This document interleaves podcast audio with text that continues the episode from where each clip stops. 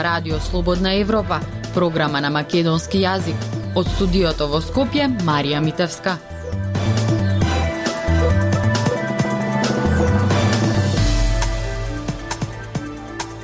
Советот за општи работи на Европската Унија повика на што е можно поскоро одобрување на преговарачките рамки за Северна Македонија и Албанија, но без конкретен датум во заклучоците. Ветото страна на Бугарија за отпочнување на преговорите на Северна Македонија со Европската Унија останува. Што и предстои сега на земјата и како може да се реши проблемот со Бугарија. Гостин во неделното интервју на Радио Слободна Европа е амбасадорот на Словенија во земјава Милан Предан, чија земја Македонија председава со Европската Унија до крајот на декември. Од наредната година, председавањето со Европската Унија го презима Франција.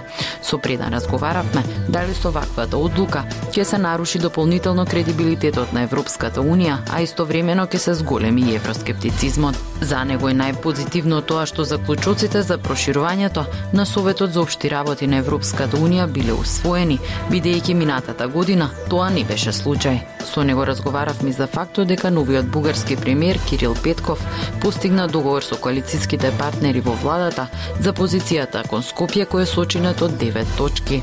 Колку со овој нов договор и пристап на Бугарија може да се продлабочи спорот меѓу двете земји. Предан смета дека е важно диалогот со новата бугарска влада да започне што поскоро, бидејќи со цел да се постигне договор на ниво на Европската Унија, ќе биде потребен компромис на билатерално ниво. Предан смета дека и предол крокот од 6 месеци кој го постави Петков за решавање на отворените прашања меѓу Северна Македонија и Бугарија. Воедно со амбасадорот разговаравме и за барањето на Петков, дека треба да се зборува и за македонските учебници во кои се тврди дека бугарите биле фашисти. Прифатливо ли е за земите членки на Европската Унија да се отвора прашањето за улогата на Бугарија во Втората светска војна како услов за започнување на преговори со Унијата? Во интервјуто стана збори за тоа докаде е спроведувањето на реформите во земјата. Останете со нас. Радио Слободна Европа интернет страница macdenes.org Амбасадор е предан Советот за обшти работи на Европската Унија повека на што е можно поскоро одобрување на преговарачките рамки за Северна Македонија и Албанија. Но и покрај оптимизмот во Брисел, во земја ова се доживува како уште еден неуспех на македонските интеграции. Со таквата одлука се наруши ли дополнително кредибилитетот на Унијата, а истовремено ќе се зголеми ли евроскептицизмот? Well, I would start with a more positive side of the recent meetings in Brussels. Би почнал со попозитивната страна на неодамнешните средби во Брисел. Заклучоците за проширувањето беа усвоени. Да се подсетиме, минатата година тие заклучоци не беа усвоени бидејќи немаше консензус меѓу сите земји членки. Овој пат тоа се случи, што значи дека процесот за проширување е се уште жив. Сега јас мислам дека втората позитивна работа од неодамнешните средби на Советот за општи работи е отворањето на ново поглавје во преговорите со Србија. Знаете дека речиси две години ниту Србија ниту Црнагора отворија некои поглавја. Така што сега го отворија кластерот 4 за зелената агенда и мислам дека и ова на некој начин е сигнал дека процесот на проширување и процесот на преговори се движи напред. Сега целосно сме свесни дека има големи очекувања овде во оваа земја дека нешто позитивно може да се случи во однос на почетокот на преговори со Северна Македонија. Се сеќавате кога имавме интервју на почетокот на нашето председателство, кажав дека не може да ветиме некои политички чуда бидејќи бевме свесни дека реалноста не работи во корист на нашиот напор да се донесе овој процес кон успешен крај. Но ние ветивме дека ќе работиме напорно на ова прашање. Мислам дека го одржавме ова ветување. Во ред други може ќе имаат пообјективно вреднување на нашето председателство, но мислам дека направивме се што можевме во оваа моментална ситуација со цел да ги туркаме овие работи напред. Но како што кажав, околностите не ни беа во прилог во пронаоѓање на брзо решение. Ние практично низ нашето председателство од 6 месеци во двете земји имавме предизборен период или избори. Немавме силна политичка влада во Софија. Имавме локални избори тука во Северна Македонија, кои всушност не ја направија актуелната влада силна, туку спротивно. Ако сакате да направите компромис на така тешко прашање, ви требаат силни влади на двете страни и ова едноставно не беше случај. Но верувам дека ние за време на нашето председателство го подготвивме теренот за престојното француско председателство да оствари напредок. Тие, како што знаете, председателот Претседателот Макрон веќе објави дека е подготвен да свика конференција на крајот на нивното председателство на односите меѓу Европската унија и Западен Балкан и имавме најава од французите дека и тие ќе се занимаваат со ова прашање. И покрај ситуацијата во која ќе бидат со председателските избори во април, мислам дека препознаа колку е важно да се направи овој процес на проширувањето сигурен и да се одржи жив. Бидете наш гостин и посетете ја. Слободнаевропа.мк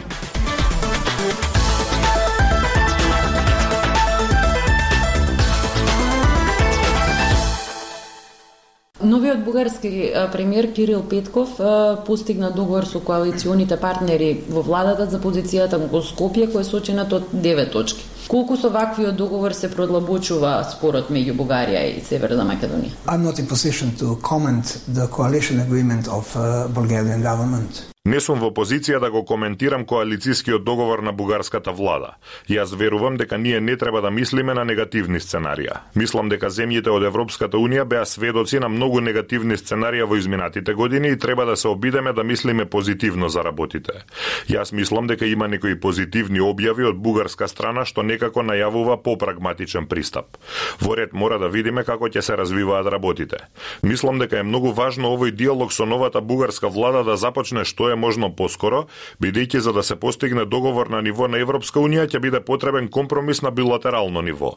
Сега како што споменавме имаме малку несреќна ситуација повторно. Имаме влада во Софија, но имаме ситуација во оваа земја каде премиерот ќе поднесе оставка, што значи дека целата влада ќе поднесе оставка. Ќе имаме тотално нова ситуација и ќе биде потребен најмалку еден месец да се формира нова влада, што значи дека повторно ќе загубиме некое време. Ќе биде многу добро ако ова се случи за време на празници месеците и до крајот на јануари новата влада на Северна Македонија ќе биде поставена. Тоа секако ќе помогне. Јас мислам дека ова е едно нешто што исто така многу ќе помогне. Мислам дека е време Северна Македонија конечно да испрати амбасадор во Софија. Мислам дека тоа секако не помогна да се нема амбасадор и силно дипломатско представништво во Софија, секако беше причина што можеби комуникацијата не беше како што треба и не треба да биде било кој. Сега на оваа земја и треба на вистина искусен дипломат кој ќе биде во секојдневен контакт со новата влада, бидејќи ова е единствениот начин да се постигне договор и можеби ова е единствениот начин да се скрати времето. Новата влада на Петков зборува за 6 месеци. Предолг ли е, ли е рокот од 6 месеци кој што го споминува Петков? Yes, and uh, this is quite a long time. Да, ова е прилично долго време. Јас верувам и ние сме многу заинтересирани тоа да се случи поскоро. Јас не можам да предвидам што ќе се случи, но јас знам дека ако овој диалог кој сега би бил на вистина многу интензивен на дневна основа, само на тој начин може да се очекува резултат. Министерот за надворешни работи Бујар Османи изјави дека за прв пат Бугарија не можела да најде вина кај Северна Македонија. Дали одговорноста за неотпочнување на преговорите сега целосно е на страната на Бугарија? We are all the time talking about the dialogue. Ние цело време зборуваме за диалогот. За диалог се потребни двајца. Мислам дека не е релевантно прашање кој е поодговорен за постигнувањето на договор или кој е помалку одговорен. Во секој случај целосно сме свесни дека ова нема да биде лесна задача, да се дојде до договор на навистина тешки прашања.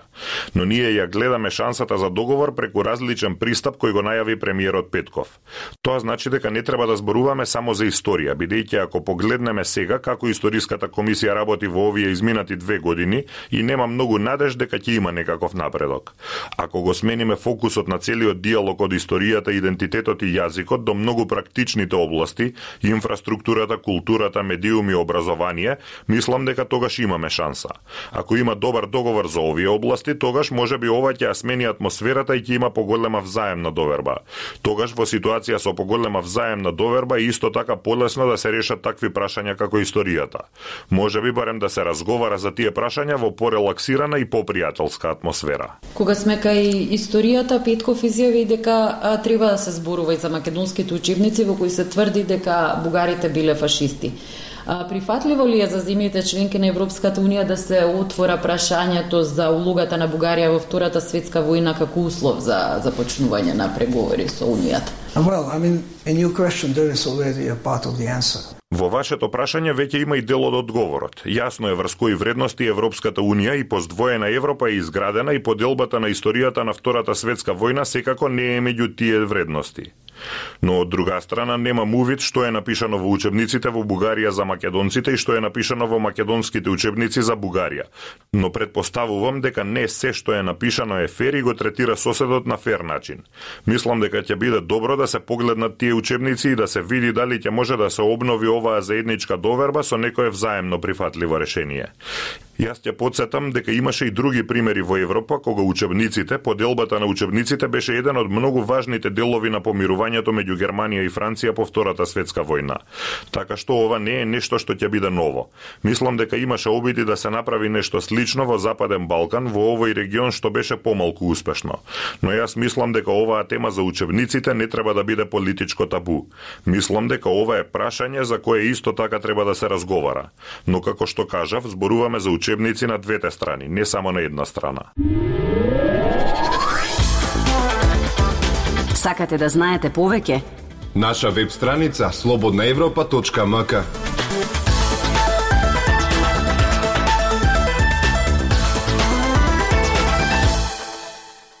Од јануари Франција го презема председателството со Европската Унија од Словенија. Постои ли француска иницијатива за надминување на спорот меѓу двете земји, бидејќи македонските власти тврдат дека постои, а бугарските демантира? Well, I'm, I'm not aware of it.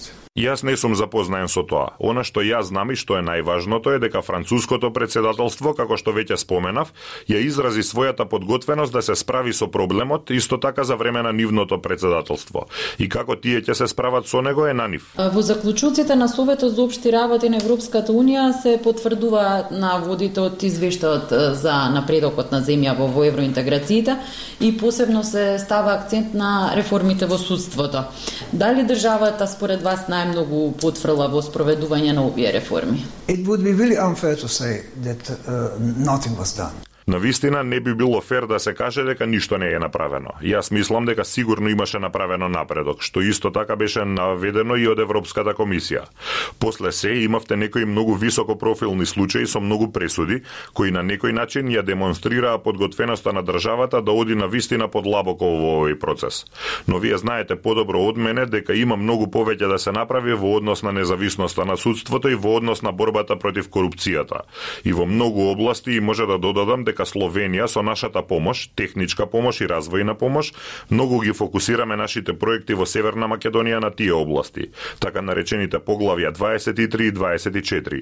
Тоа се поглавјата за владењето на правото, кои со новата методологија се нешто со што Европската Унија ќе почне и ќе ги заврши преговорите. Така што тоа е многу важна тема. Колку внатрешните проблеми на Европската Унија со земите членки како Полска и Унгарија ја оддалечуваат Унијата од процесот на проширување прашање бидејќи впечатокот е дека фокусот е ставен на овие прашања? Well, I would say that the institutions of the European Union are strong enough to deal and to overcome some occasional misunderstandings between Brussels and certain member states Јас би рекол дека институциите на Европската Унија се доволно силни да се справат и да надминат некои повремени недоразбирања меѓу Брисел и одредени земји членки. Се случува во секое семејство. Она што мислам дека е важно е дека Европската Унија преживеа и беше сведок во последниве децении на многу кризи. Имаше финансиска криза, имаше миграциска криза. Сега ја имаме ковид кризата и Европската Унија е се уште тука, се уште функционира. Се уште е најдоброто место за живење на земјата. Така што кога се повикува структурата на проблемите во тие две земји, мораме да запомниме дека тие две земји се едни од најголемите подржувачи на проширувањето на Европската Унија. Двете земји исто така многу придонесуваат за целосниот економски перформанс на Европската Унија и тие прашања всушност немаат никаква врска со проширувањето, бидејќи така наречениот замор од проширувањето дојде години наназад. Тој веќе беше таму дури и пред да се случи последното проширување во 2013-та кога Хрватска се приклучи. Така што ова не е нешто што се случи вчера. Да се вратам на вашето прашање, јас би рекол не. Го слушавте неделното интервју на Радио Слободна Европа. Од студиото во Скопје со вас беа Марија Митевска и Дејан Балаловски.